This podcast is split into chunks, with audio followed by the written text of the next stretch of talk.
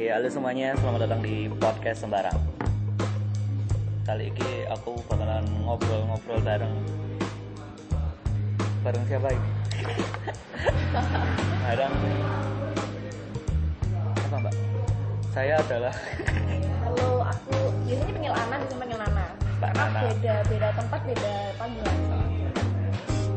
kalau dipanggil Ana di mana mbak? Kalau Ana itu di sini kampus. Di kampus. Itu Oh, pasti kalau soalnya kalau cari Nana itu nggak akan ada yang tahu. Mulai dari dosen sampai mas itu jarang jarang ada yang tahu. Kalau Nana mulai aku SD, SMP, SMA Ah. itu panggilnya Nana. kenapa di kampus nggak pakai nama Nana? Karena orang-orang terbiasa sama nama depan Ana. Gitu jadi eh, ketika kenalan Ana mulai oh ya Ana langsung gitu. Jadi Oh. tanpa aku ngomong Nanti sayanya kenalan nama panggilan Nana. Iya tapi mereka langsung langsung title sendiri Ana. Ya udah ya udah. Soalnya eh, di beberapa organisasi ada yang namanya sama. Jadi aku panggilnya. Tuh. Najwa Shihab sama Mbak Nana Najwa Shihab ya. Pekritis. Eh, kesibukan saat ini apa aja Pak? Biasanya kuliah sama magang. Magang. Ya. Magang di mana Pak? Biasanya Farina. Oh ya CPPL. Iya. Kirain magang yang kerja kan biasanya kalau Oh, anak-anak ekonomi yang magang di bank itu. ya namanya PLP kalau dia. Oh. Apa ya? latihan pengajar. Praktek PLP. Bukan BPL itu. Tahu. Lapangan. Oh iya Pak, lapangan pengajar. Apa itu sebelumnya? Iya, Prasekolah. PLPS oleh PLP. Prasekolah. Enggak. Iya kan pra terus Oh iya, S-nya. oh iya ada selanjutnya. Nah, Sudah berapa lama Mbak Apa ya? itu di PLPS itu? PLP-nya sekarang jalan satu bulan lebih sih. Kurang tiga mingguan. Cuma kesibukan Mak, kuliah itu tadi ya? Betul. Sama freelance sih. Freelance WO. BO itu ya, itu yang mau tak tanya-tanya. Yes. Hmm. Kuliahnya ngambil apa tuh Pak? Dasar. Makanya tadi magangnya di Betul. SD. Alasan kenapa kemarin kok ngambil PGSD kan biasanya apa ya? Mungkin seumuran kita yang sekarang umurnya masih 20-an. 25 ke bawah itu mikirnya lah PGSD itu gimana gitu ya. Biasanya kalau anak yang PGSD itu rata-rata dipaksa sama orang tuanya. Yang Oh, iya, ambil iya. PGSD rata-rata itu dipaksa. Kalau saya kira sih melihat Mbak Nana terus lihat keluarganya kayaknya bukan dipaksa deh. Eh, sebenarnya ini cerita sih. Mhm. Boleh cerita nggak ini? Yo boleh mbak di share di sini. Nah, jadi itu sebenarnya kalau PGSD sendiri itu sebenarnya bukan dari aku sendiri, bukan dari bukan dari dalam hatiku sendiri. Jadi berawal dari memang aku dari dulu eh, tiga bersaudara itu yang paling nyeleneh aku. Kalau kakak sama adik itu nggak mau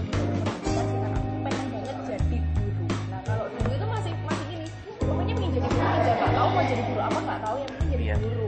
Nah kemudian SMP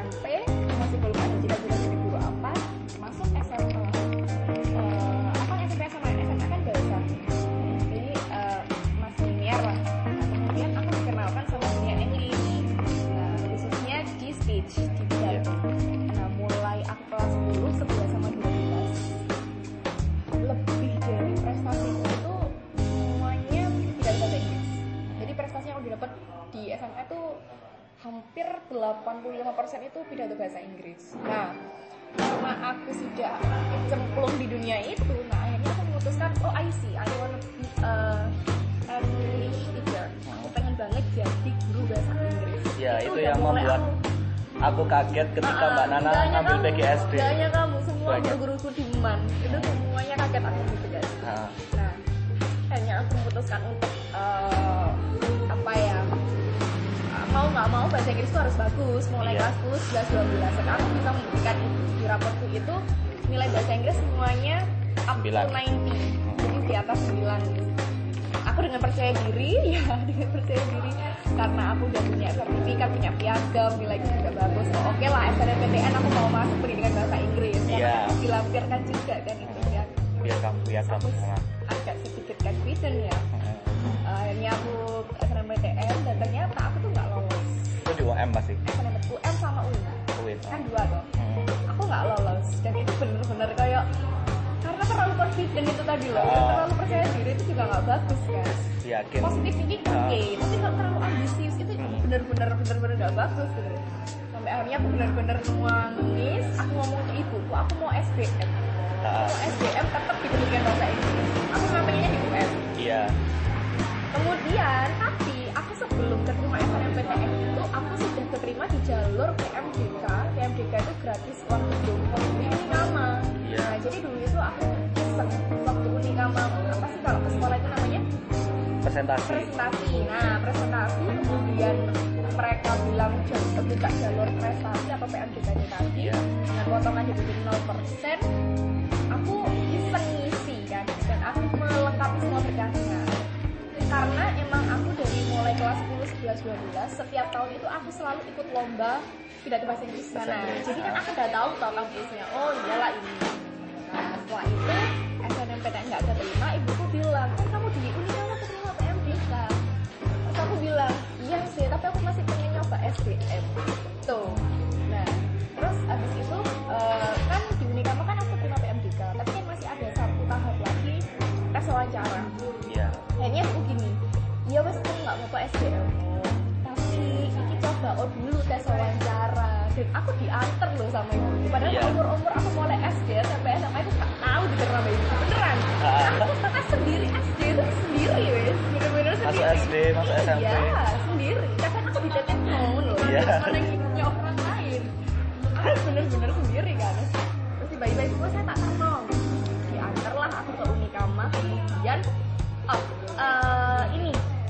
sampean dulu kan keterimanya PMDK itu dulu itu waktu ngisi formulirnya harus ada dua pilihan. Iya. Pilihan pertama aku kan pendidikan Pak SMP di situ kan ada. Nah aku tuh mau nggak ngisi nggak mau nggak ngisi pilihan kedua cuma nggak boleh. Jadi harus ada pilihan kedua. Dan pilihan kedua itu PGSD karena sebelum aku UN itu aku sempet nyambi ngelesi anak SD di belakang Iya, rumah. nah aku cuma gini oh pengalamanku yang udah pernah ya inilah ya aku asal nulis ternyata yang keterima itu di PGSD nya bukan di pendidikan bahasa Bahasa Inggris. Ya. makanya aku agak berat ke ibu mau diantar wawancara itu soalnya aku nggak keterimanya PGSD bukan pendidikan bahasa Inggris gitu loh. Cuman ibunya bilang ya kan kemarin udah pernah wis coba iya. Akhirnya sampai di nama mau tes wawancara dan itu langsung keterima. Tes wawancara benar banget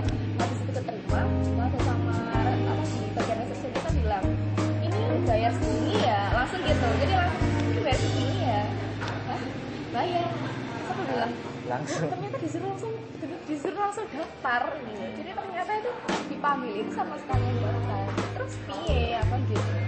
Ibuku cuma bilang satu kata gini eh satu kalimat gini. Terus percaya nih ibu ya ini ya.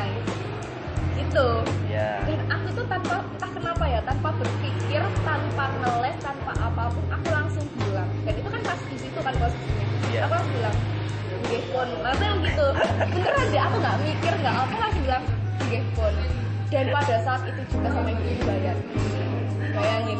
Jadi aku tuh nggak tahu kalau ternyata ibuku sudah menyiapkan uang Ah. untuk untuk apa menyebabkan aku jaga-jaga paling kayaknya. mungkin kayak jaga-jaga tapi ternyata memang benar disuruh dulu dia udah langsung dibayarin langsung lunas dan otomatis kalau lunas kan aku udah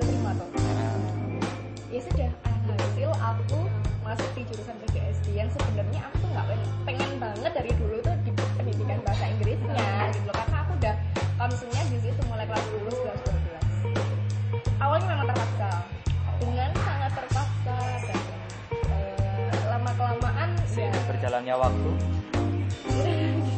Ya gimana ya kadang masih masih ada sih rasa rasa apa ya kayak jealous gitu lihat orang.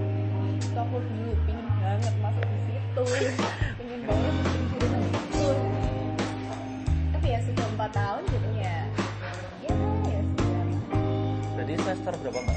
sekarang tujuh. Tujuh. Sudah ada perasaan kayak ada nggak sih mbak merasa kok menyesal ngambil di jurusan itu?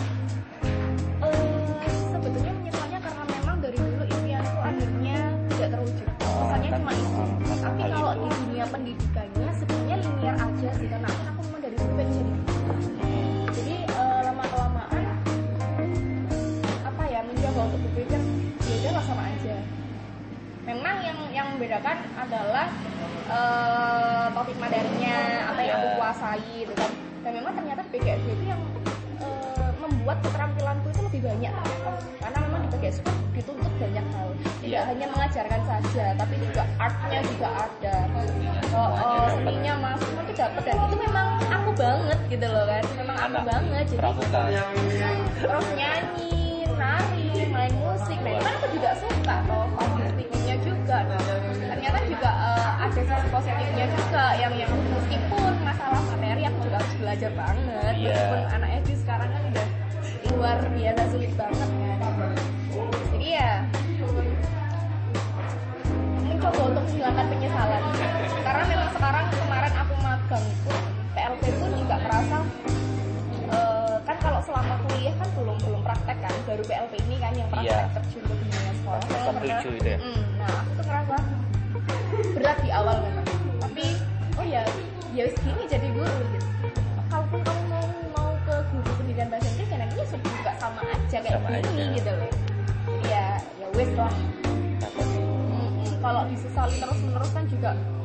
kasihan akunya kasihan ibuku juga yang udah. Cuman jadi hidupnya ke depan kan kayak terbebani. Oh, oh, oh, iya. Iya jadi selama kuliah maksudnya bukan nanti sampean mau ke jadi guru itu mbak ya? Kan kalau jadi kan impiannya sampean tapi pas kuliah kayak pas selama kuliah pelajarannya gitu nggak ada rasa penyesalan kayak gitu? Eh, enggak sih. Kalau masalah pelajaran juga nggak ada penyesalan karena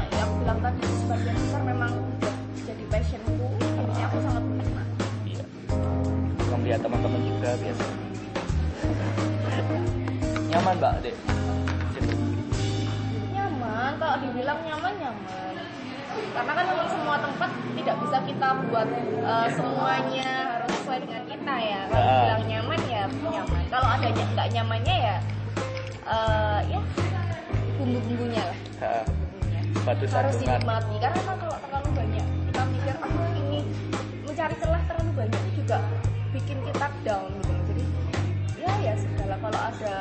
hambatan oh ya ya wes, berarti buat eh, pelajaran aja teman-teman sampean sing rata-rata ada nggak yang berniat memang keniatan dalam hati sendiri untuk ngambil PGSD itu ada nggak? ada Ada. karena kan mereka eh, biasanya kebanyakan ibunya Terus otomatis kan kayak apa ya mungkin gennya nular Iya. gennya kayak nular jadi langsung merasuk ke dalam dirinya sendiri untuk oh ya ada kok ada beberapa teman gue kayak Ada juga yang terpaksa juga. walaupun memang banyak juga yang terpaksa Lebih banyak mana? Persentasenya? presentasenya kayaknya lebih banyak yang terpaksa Iya, emang rata-rata teman-teman saya yang PGSD itu rata-rata ya memang Iya. terpaksa. Biasanya ibunya guru SD, guru SD, PNS, Mm. ya, eh salah nanti ngejar sekolahnya. sekarang kan banyak gambaran kalau malah enak mau guru SD saiki guru SD saiki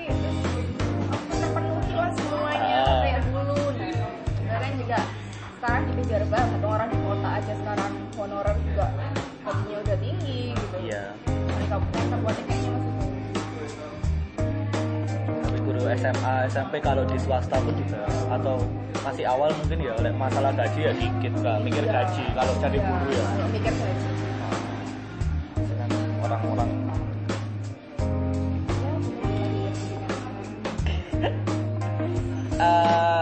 ada apa apa mbak? Cara pembelajaran apa yang baru sampean dapat waktu pas di PKSD itu? Untuk ngajar yang anak kecil kan sebagai calon guru muda pasti kan ada inovasi-inovasi pembelajaran baru. Betul betul. Nah aku tuh dulu awalnya berpikir menjadi guru itu hanya ngajar kan Nah, ngajar biasa makanya aku senang banget kan. Apalagi aku orangnya aktif banget. Tapi ternyata menjadi seorang guru itu yang sulit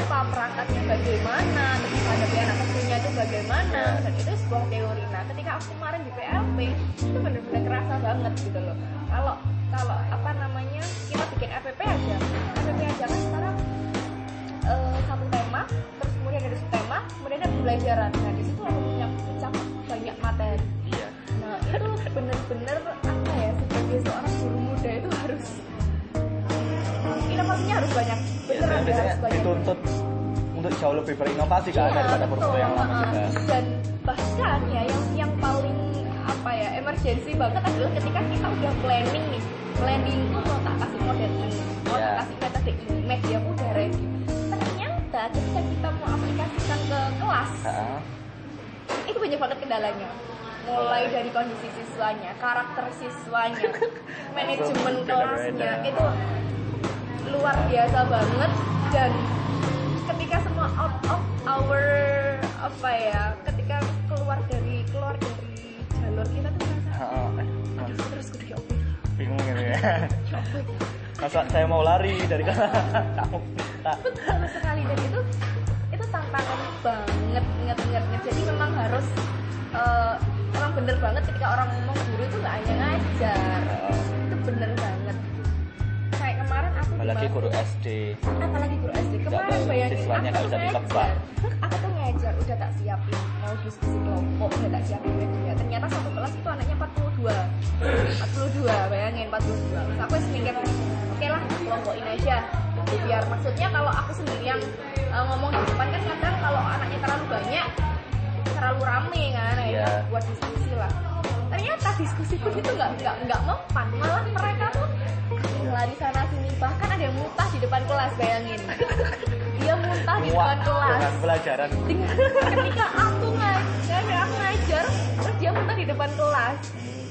Karena teman kan anak kan bobo terus aku sih harus bersihin muntahannya harus beneran kan aku harus ngepel.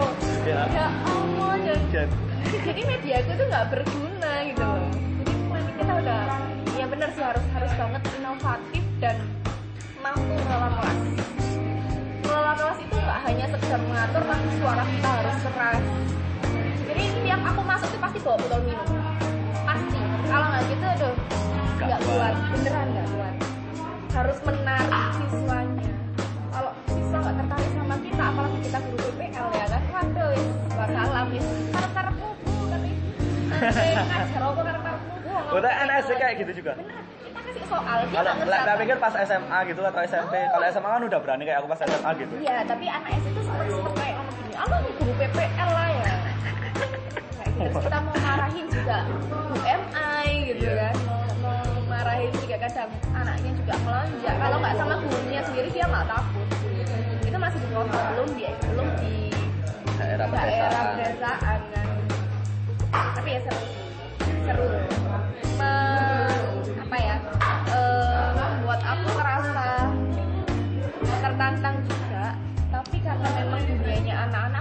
Aku juga suka kan sama anak-anak jadi harus punya trik and tips untuk bisa mendekatkan diri dengan mereka harus banget nggak bisa sekarang guru tuh cuma nyiapin modal materi terangkan ah wes bye bye wes. Iya, nggak menurutku sih guru SD itu adalah guru yang paling berperan sih, Mbak. Malah pas lek bagiku sih pas membentuk karakterku yang sekarang itu guru SD paling berperan. ya karena kan memang jarak waktunya lebih lama dan Ah. kemudian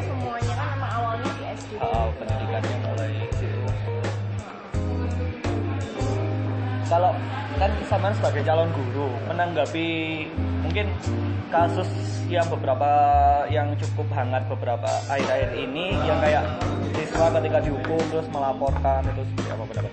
melaporkan orang tua melapor orang tua terus orang tuanya ya mungkin je- Ah, beda ah, ah. dari zaman kita dulu Iya.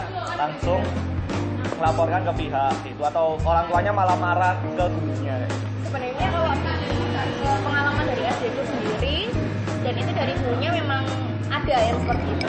Ada yang orang tua yang uh, sangat perhatian sama anaknya gitu yeah. jadi kalau anaknya uh, digores sedikit digoreng sedikit biasanya nggak terima. Ada. Ah. Tapi uh, ini sih selagi tidak melanggar batas kalau masih wajar kalau memang ada orang tua yang sampai nggak terima itu masih wajar. Maksudnya wajarnya itu ini ya kalau gurunya menghukumnya dengan dengan wajar loh ya itu masih masih nggak apa-apa. Ketika mereka memang e, melapor ke sekolah ada kan komunikasi atau parenting dengan orang tua. Itu penting.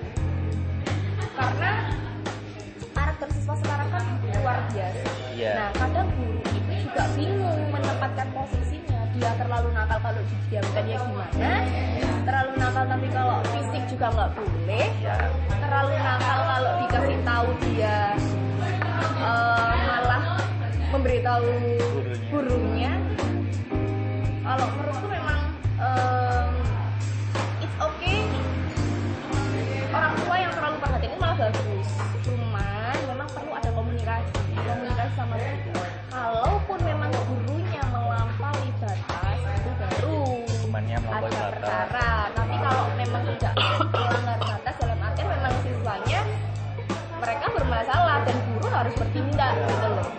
kan nggak dibiarkan kalau memang orang tidak terima ya monggo silakan komunikasi dengan guru kelas.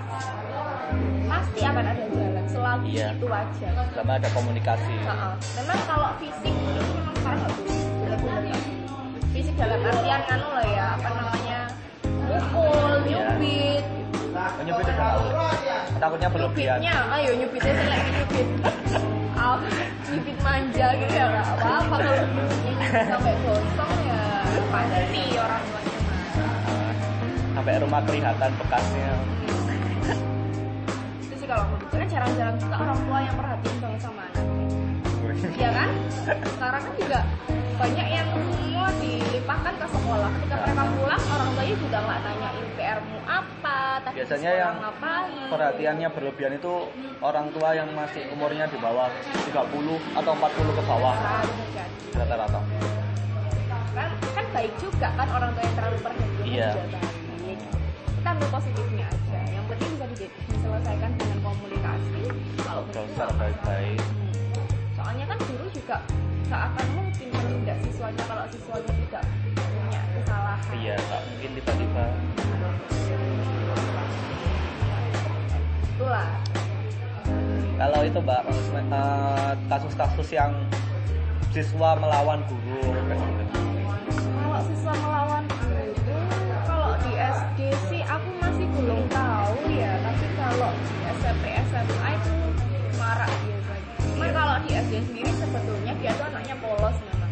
Cuman kadang dia terlalu eh, ini mendapatkan hal negatif dari lingkungannya. Nah, jadi bukan sebenarnya bukan karena keinginan mereka sendiri gitu loh, Iya. tapi memang dia pergaulannya yang kurang betul, kemudian dipancing sama atau mungkin gimana gitu ya betul jadi atau bukan niru gimana. betul. Tapi kalau ada sendiri sih sebenarnya kalau menurutku hmm, nggak sampai kayak gitu iya kalau SD masih belum lah iya belum kalau. SMP SMA mungkin wajar karena kan dia tingkat emosionalnya kan tinggi kemudian kan dia merasa udah merasa gede udah merasa besar jadi mereka mau melakukan apa saja gitu. Berani ngambil takut tambah takut untuk sesaat itu? Karena kan orang tuanya juga nggak nggak anu atau nggak? Respon. Iya. Jadi dia berani pernah nggak pak? Pas sekolah ada temen yang lawan guru yang lawan nggak ada sih. SMP SMP SMA belum ada. Oh ya, saya sekolah ini sama yang dari SD SMP SMA unggulan semua ya bukan unggulan sih cuman memang kebetulan Terpandang. manut iya. Soalnya kan kan ketika masuk kan tesnya agak susah kayak gitu gitu jadi diseleksi banget. Kalau ya kan di sekolah yang semua siswa model gimana pun boleh masuk nah itu banyak sekali saya menemui guru bertengkar dengan murid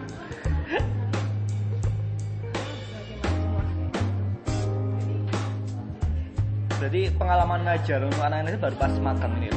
Iya, kalau Sebulan, benar-benar masih sebulan itu. Karena sebelumnya baru belum pernah. Kadang ngajar itu dulu ngajar pemuka, memang ngajar pemuka anak SD. Iya. Cuma kan udah dulu banget, sekarang kan udah ngajar kok. Itu udah ngajar pak. Udah, enggak, aku mulai SMP udah ngajar.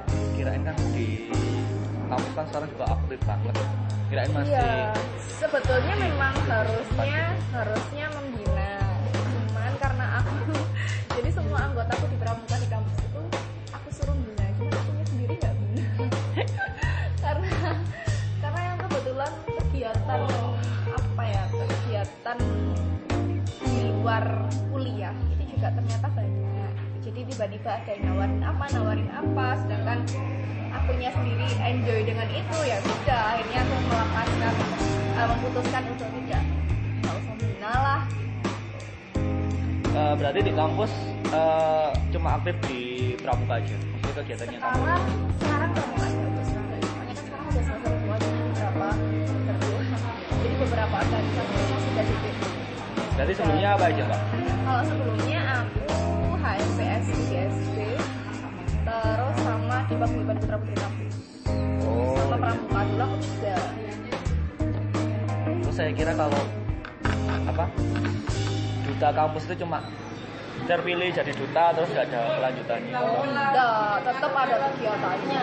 Selama dua tahun itu juga bergiat soalnya se- saya lihat duta apa ya? Ya duta anak duta pantai kecuali duta wisata ya Joko Roro itu baru ada kegiatannya. Kalau duta-duta yang saya tahu kan kayak eh kayaknya gak ada kegiatan memang Nah, memang banyak duta yang seperti itu jadi memang untuk ajang pemilihan tapi Iya. kalau duta kampus eh, rata-rata sih ada. Ada minimal gitu ya? eh, minimal dia ikut eh atau menghadiri undangan duta lain. Sama eh, biasanya presentasi ya. Atau mengikutkan expo atau apa. Iya. minimal itu sih. Tapi kalau di aku sendiri memang kita punya broker kemudian em, kegiatan kamu kan juga banyak. Kita kan juga Iya. sering ada expo Nah, terus kadang ada dari fakultas lain yang butuh kita kita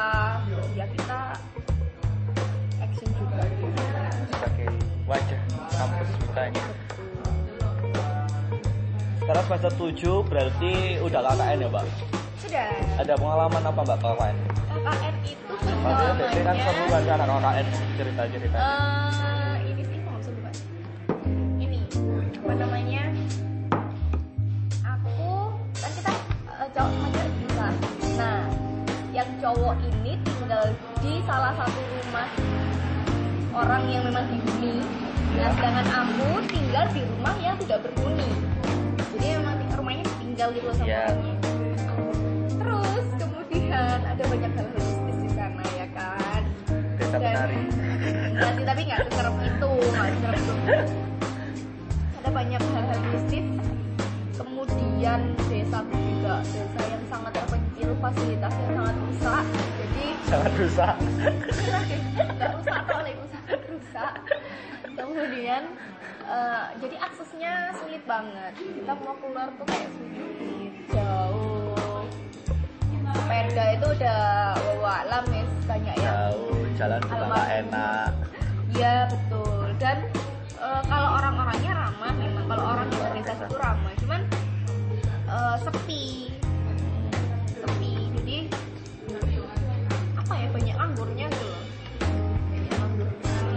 kan kalau kita bikin proker itu padahal kita udah bikin proker banyak kan emang kan harus harus harus bikin proker iya. Cuman orang di sana itu maunya nggak mau kalau minggu ini kumpul minggu depan kumpul lagi minggu depan kumpul lagi. Padahal eh ya bukan namanya proker kan dari masing-masing kelompok ada tiga kelompok. Kelompoknya beda-beda. Itu nggak mau jadi harus jadikan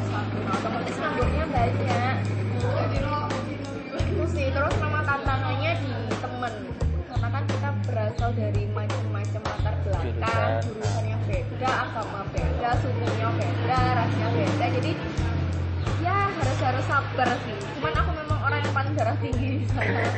Coba saya mbak kira langsung sama kayak itu apa? Enggak ini ya aku nggak aku nggak pernah sampai benci atau marah terus-terusan enggak. Tapi kalau misal kita udah punya proper ini tapi dia tuh alasannya atau alasannya nggak ada baju. Kan bikin orang alasannya tidak bisa diterima. Ah, nah kebetulan posisi di sana emang yang jadi koordinator yang cewek gitu loh. Otomatis kan aku mau nggak mau harus tegas. Jadi nggak nggak masalah dia mau ngomong ABCD yang penting yo ayo kerja gitu. Pas kita libur dia tidur tiduran aku juga nggak marah ya aku aku marahnya memang kalau pas kita ada broker kemudian dia alasannya dengan sebegitu gampangnya ya nggak gitu tok. Kayak gitu. Ayo ya cepetan terus gak mau ngomong. Enggak enggak pernah kayak gitu. Serius. Enggak pernah makanya kan aku tadi yang, yang aku jawab apa sih? Yang orang-orang nggak tahu aku nggak nggak nggak pernah beneran. Aku mulai dari dulu sampai sekarang aku tuh nggak pernah yang namanya benci sama orang. Kadang kan ada orang yang ketika sakit hati kemudian dia status atau mungkin Iya, aku dia nggak nyapa atau mungkin dia ngomongin ke orang lain. Nah aku tuh nggak pernah kayak gitu. Nggak pernah dibahas itu mak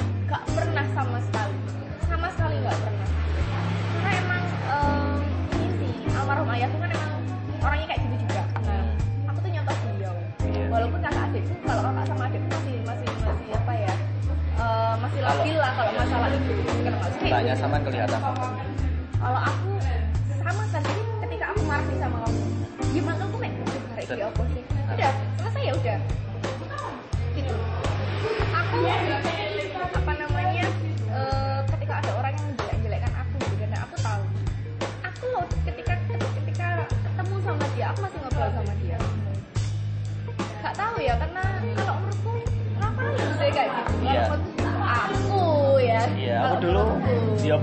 posisi gimana ya mbak? Ya gampang, dia nggak gampang. Kadang lah benci no ya kayak malas ngomong sama dia. Oh. Tapi sekarang sejak SMK kelas 3 ini sudah di fase memahami sebelum berkesimpulan kayak gitu.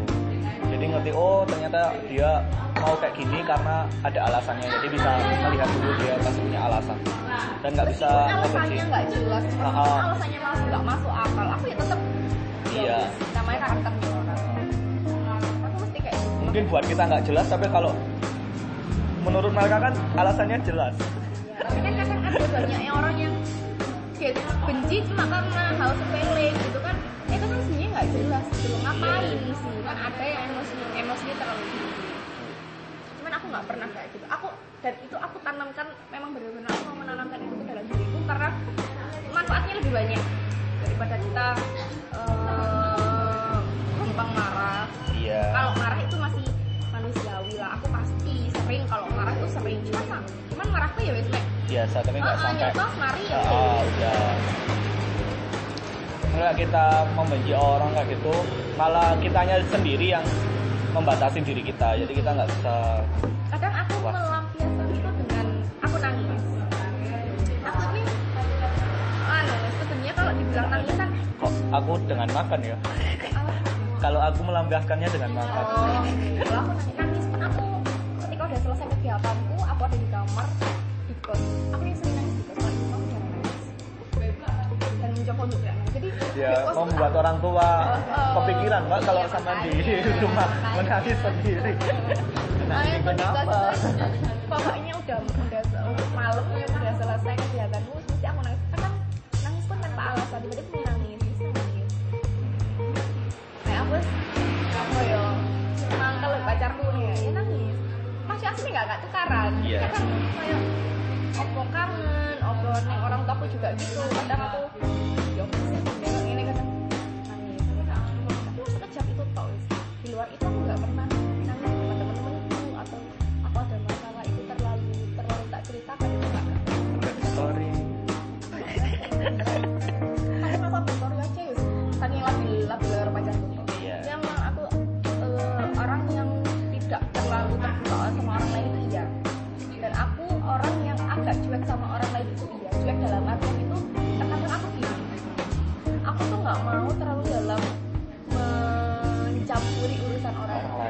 lain kalaupun itu memang perlu untuk tak ketahui hanya sekedar aku ketahui ya sudah aku hanya itu saja. Tapi kalau untuk sampai gitu. eh, sampai untuk ke dalamnya itu enggak sama sekali enggak. dan aku terbuka sama orang itu juga pilih-pilih gak semua orang tak cerita.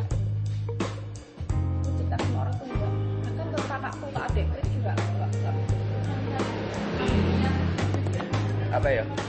Kayak masih pilih-pilih gitu ya mbak ya? Oh bener. Ya kalau kalau ada cerita yang kalau berteman nggak milih tapi kalau cerita cerita milih. hidup milih. Hmm,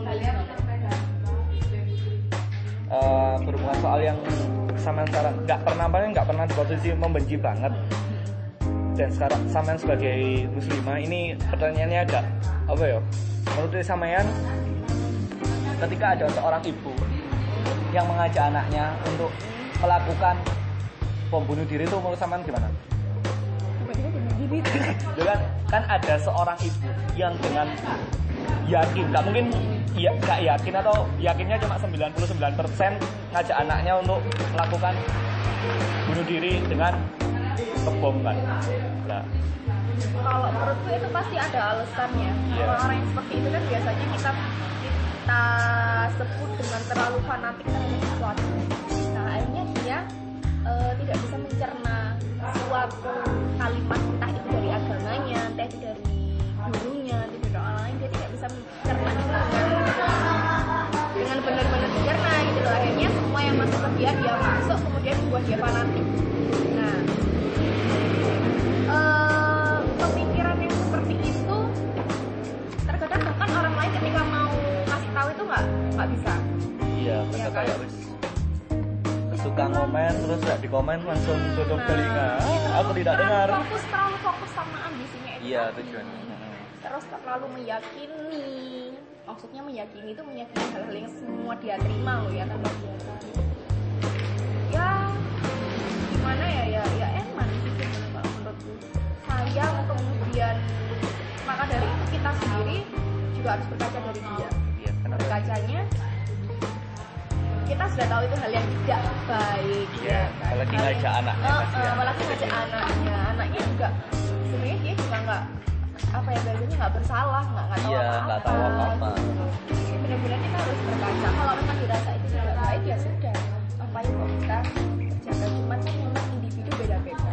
Ya ya, itu latar tapi kalau memang dia sudah terlalu terlalu fanatisme terlalu fanatik ya ya sudah. Tapi kan setidaknya kita eh, jangan sampai kayak gitu ya kan kasihan lah.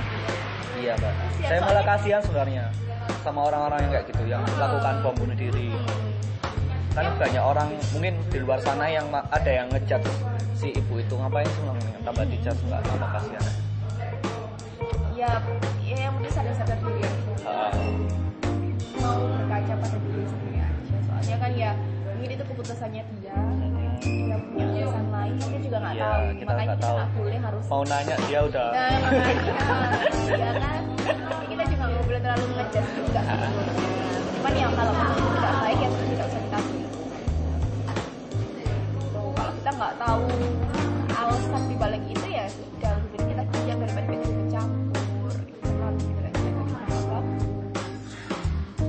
tapi aku kepo sih sama orang sebenarnya tak lakukan di alam sana ya kan eh anu mbak yo. Sampean berarti kuliah mbak aktif di WO itu ya? Maksudnya ada aktivitas lain di WO itu ya? Ya tapi masih freelance jadi kayak eh, ya freelance lah buat kalau memang diajak ya ayo kalau Ya. enggak ya udah. Kadang aku juga ada job di kampus juga kadang diajak ya kadang ya kalau diajak eh, kayak kemarin ospek kalau dia namanya P3T disuruh bantu ya. Terus kemarin kayak di di pasca jadi dirjen ya oke itu gitu sih. Masih masih eh, aktif oh. Jadi yang menghasilkan cuma yang di WO itu aja. enggak juga. Yang bantu ospek itu menghasilkan? Iyalah ospeknya kamu itu ada itunya? Ada. Feedbacknya? Ada dong Oh, saya kira le- kayak di SMA enggak. Kan di SMA feedbacknya ya biasa biasa kan standar makan kalau di kampus pasti aku MC kemudian kayak dirijen hanya dirijen padahal. Dirijen itu? Kalau MC teh wajar lah. Kalau di Dirijen kalau di dunia kampus sih itu di kampusku sih nggak tahu kalau pasti ada apresiasi saya pikir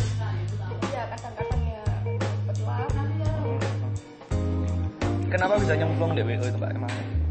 sebenarnya diajak karena diajak aku kan dulu di Putra Putri kampus kemudian ada salah satu eh, dosenku yang juga ikut di Putra Putri maksudnya ikut itu eh, apa ya maksudnya ada cawe cawenya lah gitu loh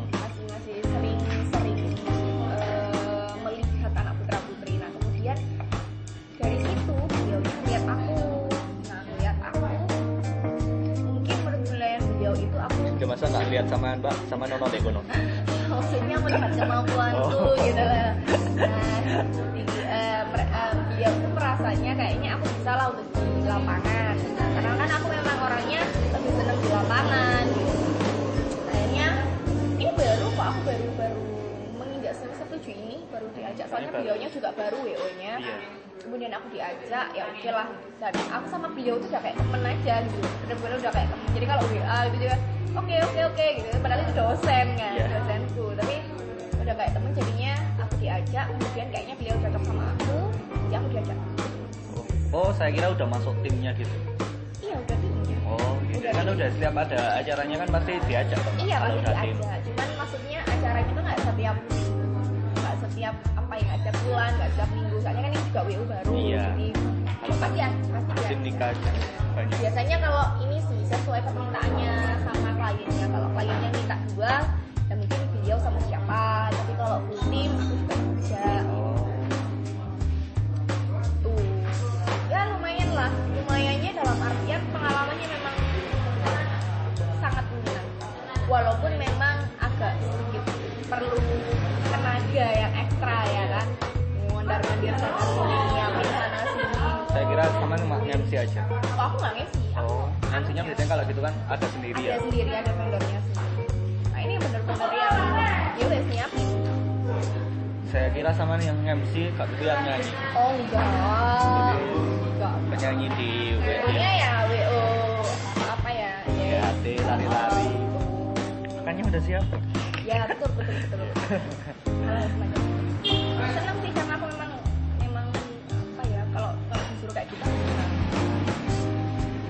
Saya kan backgroundnya sama juga di pramuka.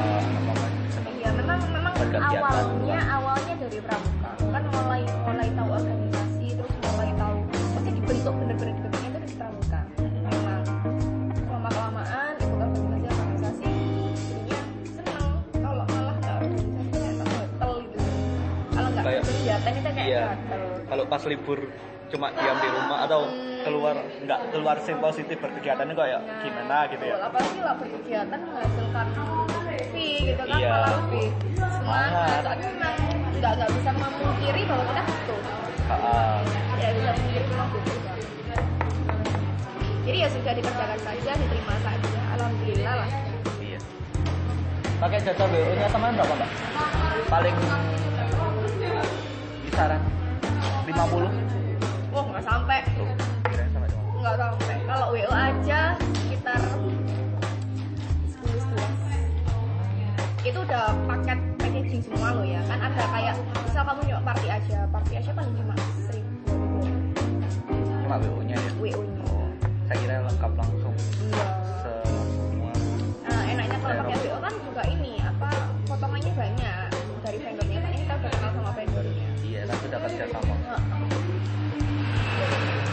Pernah nggak sih Mbak sekali dapat yang mungkin daerah pedesaan ono? Belum.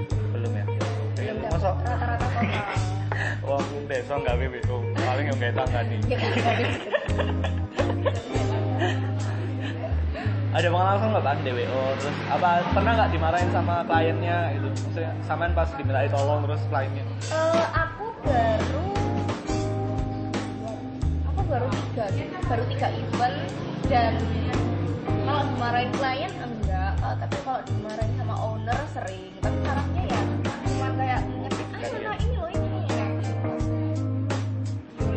pengalaman mas? Gitu aja. Masih di WO Oh, ya itu tadi sih. Lebih harus fokus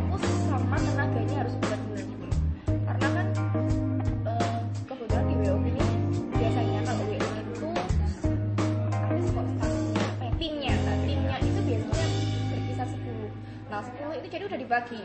Tim tamu sendiri, Iya. tim band sendiri, tim MC sendiri. Nah kalau aku Satu itu yang- satu tim 5 lima orang. Jadi apa ya nyambi kan loh. Kalau memang dari dari ownerku ayo anak ini ambil ini ambil ini ya wes gitu.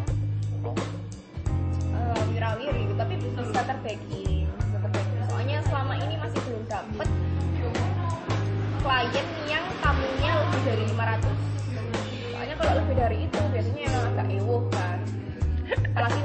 tamu VIP ada tamu reguler. Nah itu bisa dibedakan sendiri. Selama ini masih masih masih apa ya masih aman lah. Iya. tamu-tamunya juga nggak terlalu banyak. Terus gedungnya juga ya nggak terlalu besar banget. Nggak capek banget Hmm, kalau capek lari-lari. Masih belum. proses. Proses habis ini lanjut S2 atau lang ngasih kerja dulu itu menjadi salah satu problem terbesar dalam hidupku sekarang. Bingung karena memang kalau dulu pengennya almarhum ayahku itu memang S2 dan aku memang dulu pengennya S2 karena aku pengen jadi dosen. Cuman ketika tahu dunia pendidikan seperti itu dan untuk uh, lagi di S2 itu juga seperti itu. Kan nggak tahu sedikit tahu lah. Akhirnya kayak males gitu. Kayak berkurang gitu. Kemudian aku sempat pengen kerja di bank. Enak deh mbakku yo yo ngono kerja kerja gue akeh ya kan bebas. Soalnya kan bank bank kan juga menerima semua besar. Iya fresh graduate kan hitungannya tinggi mbak oh, di bank nah makanya ya kan jadi deh. Mbakku dukung iya nggak apa-apa. Cuman ayahku memang pengennya aku di S2 sama dia. Kemudian sampai sebelum beliau meninggal itu beliau itu ternyata bilang sama temennya yang sekarang kerja di dinas dinas kabupaten. Nah beliau itu kayak bisa punya lowongan ketika ada orang yang mau masuk gitu. Nah, ayahku tuh minta minta aku itu dimasukkan di situ. Nah, cuman aku masih belum tahu ini dinas apa. Kalau beliaunya sendiri dinas sipil apa apa gitu loh. pencatatan sipil Penyerahan sipil. Nah, beliau sendiri itu lah. Aku mau dimasukkan di mana itu nggak tahu. Cuman beliau sebelum belum meninggal itu bilang gitu ke temennya, eh ke temennya. Nah, ke temen temennya itu bilang aku wes nanti segera lulus, soalnya kita masukkan situ. masuk Nah, situ aja mbak aku Sipil aja. dilema kan kalaupun aku masuk itu bukan passionku iya kan kayak mau dua weh ngono ya opo. Wong dinas lo mbak ngono kan iya makanya tuh soalnya gini Aku nggak di paham kantor- tugas. aku kantor mek lungguh mangan lungguh mangan iki ya opo ngetik tugas paling ngetik mek ngopas ganti kata itu ngene tak lo Nah, aku kan, kan apa ya gatel kan kayak Iya. gitu. Eh, entah kenapa ya aku kok tiba-tiba bilang gitu karena sebelumnya aku gak pernah bilang gitu ke aku. Kalau S2 nya memang aku kayaknya masih pending dulu karena aku sendiri kayaknya masih belum mampu belum mampunya dalam artian kesiapan diriku masih belum. Nah, kok kebetulan kemarin waktu aku pas LP ini salah satu guru itu bilang ke aku aku disuruh ngelamar di situ. Nah ternyata guru-gurunya itu cocok sama aku. Nah aku kan soalnya eh sama ibuku juga bilang eman sih sebenarnya kalau nggak bisa boleh lah kuliah tapi seenggaknya bisa belajar atau bisa ngelesi lah minimal terus ketika orangnya bilang gitu aku tuh sebenarnya sekarang masih kayak mikir ini sih peluang itu. Peluang yang jadi guru di situ. Soalnya memang aku lingkungannya cocok gurunya cocok siswanya juga cocok. Dan ya bilang jauh ya nggak perlu lah ya paling ya 30 menit kan dari sini gitu loh. Tak entah aku ngekos apa ya aku kayak ngekos. Nggak tahu lah masih belum tahu lah Iya. kan semuanya gimana. Cuman kan kok pas tempat enak gitu loh tempatnya. Aku sempet sekarang ini masih masih berpikir dilemanya di antara dinas pendidikan sama eh dinas pendidikan dinas kabupaten sama di situ. Walaupun memang katanya ibuku sih memang disuruh nyoba dulu tapi masih mau tak tanya ibu dinasnya apa? Kalau memang aku nggak sesuai aku mau ngelamar di SD ku yang di PLB itu soalnya eh ya eman aja. Kan selama 4 tahun ini kuliah buat apa? Gitu iya kalau nggak lanjutin S2 ya itu Iya. Enggak ya nikah nah makanya. Cuman memang kalau di SD ini aku masih belum bisa menjadi guru kelas. Iya. karena masih ada dua guru yang belum pensiun. Nah pensiunnya itu sekitar satu setengah tahun. Lagi tapi memang basic basically aku eh, nggak nggak ngejar DP sih nggak ngejar jiwa jadi emang aku pengen pengen apa ya emang emang pengen terjun di dunia itu. Iya. jadi meskipun aku diperbantukan di mana dengan bayaran berapa ya ya sudah aplikasikan ilmunya lah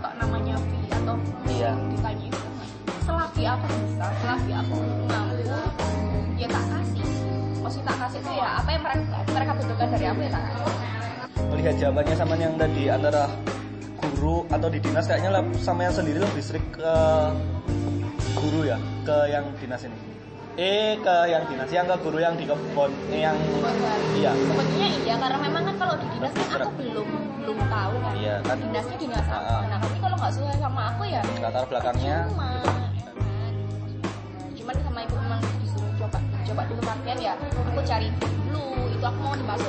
mana kayaknya nanti juga kepaksa lagi kayak cerita waktu masuk kampus bisa. Ya ini kalau guru sendiri emang emang apa ya seneng sih. Karena memang aku eh, goalsnya. Goalsnya itu memang aku kan tadi sempat ngomong kan aku pengen yang penting sederhana sederhana yang penting bahagia gitu kan. Aku emang apa ya sama pacarku yang sekarang ini dia juga gitu. Dia bilang nggak kaya tapi aku cuma pengen ini loh cukup terus seneng udah gitu. Iya Dan mau beli memang- rumah cukup mau beli ini cukup. Aku bener-bener aku aja aku aja dulu bilang gini kan aku eh pengen yang bank deh. Aku pengen aku pengen hasil duit disek lah. Soalnya apa? Aku tuh sempet iri sama kakakku yang udah kerja sama adikku yang udah kerja. Iya. nah sekarang tanggungannya ibu kan cuma aku. Aku pengen gini. Aku pengen golek duit apa lah disek mau mari aku kurang ajar lah gitu. Mau pacarku dimarahin bukan dimarahin sih ya kalau bisa eman eman no 4 tahun dulu di TSD nah Iya. kalau kamu nggak melanjutin terus emang ojo pengen ngejar duit tok kan gitu dan emang aku Iya. merasa eh, kalau kalau kakakku kan dia goalsnya memang pingin apa ya pingin siap semuanya siap dalam artian materi ya siap Iya. rumahnya siap kan kalau aku pribadi emang goalsku aku nggak pengen nggak nggak pengen eh, calon kaya kalau dikasih kaya alhamdulillah tapi maksudnya meskipun nggak nggak kaya nggak masalah tapi yang penting satu dia benar-benar bisa bimbing aku gitu loh. Dan selama ini makanya kan aku lama sama dia tuh. Dan selama ini yang eh, deket sama aku yang aku benar-benar merasa nyaman dalam artian dia benar-benar bisa bimbing aku ya si ini. Gitu loh Mbak Kolbi. Mbak Kolbi. Maksudnya? Siapa temennya sama itu Bubi oh iya Mbak Kolbi kan namanya. Loh Kolbi kan cewek Oh enggak, yang temennya sama Oh, yang itu kan yo. Oh iya, itu dekat sekali. Ah iya, itu makanya aku tuh berani cerita tuh cuma kedua orang, Kolbi sama Bubi. Itu pacarku dulu sahabat.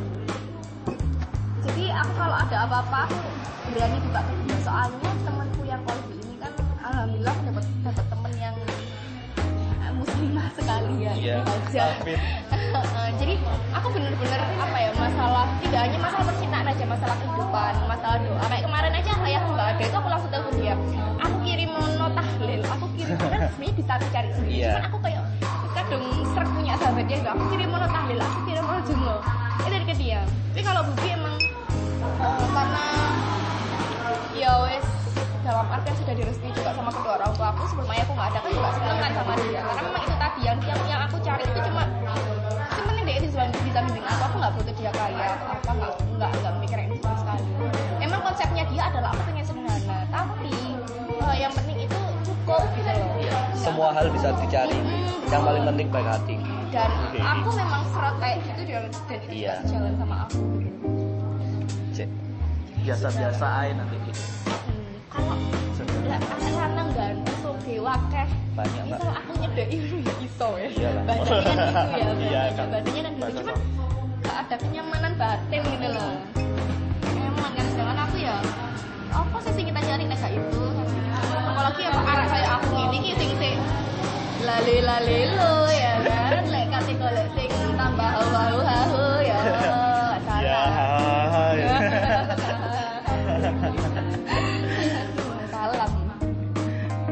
Eh, rencana ke depannya apa ini Mbak? Setelah ini Eh, aku targetnya terdekat adalah semoga skripsi bisa selesai. tepat waktu gitu ya. Eh, bukan tepat waktu sih, memang ngejarnya tiga setengah. Lebih Kalau cepat. waktu kan empat ya. Iya. Sebenarnya memang agak maksa sih, agak maksa ke diriku sendiri tiga setengah. Karena kan eh, kalau aku empat, aku masih harus bayar semester lagi. Walaupun sebenarnya sekarang skripsiku masih tak leler no. Tapi alhamdulillahnya pembimbingku ini support aku. Makanya insya Allah kayaknya habis makan aku baru fokus ke terdekat itu terus kalau memang setelah aku selesai wisuda kalau memang aku diberi jalan untuk kerja ya di antara dua pilihan itu tadi dinas atau sudah itu, itu dulu lah. Sebenarnya pengennya pengen segera nikah jujur ya jujur aku Iya. pengen nikah banget. Baru berapa teman? aku 21 habis ini 22 maksudnya Indonesia kan wis pas cuman masalah masalahnya pasanganku sekarang ini kan mikir banyak hal lah opo dia kalau pengen nikah pengen nikah sekarang pengen Ya sudah langsung budal nikah WO. So. Budal nikah. WO nya nama budal nikah. Jodohnya ini ya udah nikah udah nikah sekarang itu sih rencananya Eh, Oke baik Mbak, cukup sampai sini. Ada lagi? satu pertanyaan buat kamu Ya. Tuh ada. Eh, sih Cita-cita saya, oh, Oh, Mbak. Kok kayak kenalan di kelas saya? Apa yang membuat kamu semangat sampai detik ini dengan segala sorry ya kekurangan kekurangan nggak hanya dari fisik aja tapi dari sikap dari apa apa yang membuat kamu semangat? Dan aku merasa soalnya aku nilai kamu itu orangnya dengan happy banget. Terus kemudian happiness banget joyful banget. Bukan HP-nya mbaknya kayak di kayaknya masih di belakang masih itu apa nggak ada sih lihat beda gitu loh sama orang lain tuh beda gitu loh dengan segala yang membuat saya kayak kelihatan seperti itu sebenarnya kalau semangat belak latar belakangnya nggak ada latar belakang semangat. Ah. cuman aku itu punya cita-cita itu dua. Hmm, yang pertama ketika nanti aku punya anak dan anakku mau menikah dia tanya ke aku bagaimana cara menjadi orang tua yang baik? Itu satu. Hmm, yang kedua ketika aku tahu mau meninggal aku langsung menatap kaca dan bilang tidak ada penyesalan yang dalam hidupku. Tidak ada yang saya sesalkan gitu Wes cuma itu kok makanya saya hidup santai wes nggak usah mengejar dunia ini. Nggak ono latar belakang semangat ya aku wes biasanya nggak punya alasan untuk tetap semangat kayak gitu. Jadi lek lek menurutku lek dua alasan itu berarti ada sesuatu yang ingin dikejar lagi easy going lah ya santai dinikmati santai aja dulu. itu setuju juga karena kalau terlalu banyak beban juga sugesti, sugesti negatif juga buat Ikut lah oke lah Terima kasih Mbak Nana. Sama-sama. Terima kasih. Kalau pengen tahu Mbak Nana bisa dicek di. Instagram @nana lagi Iya.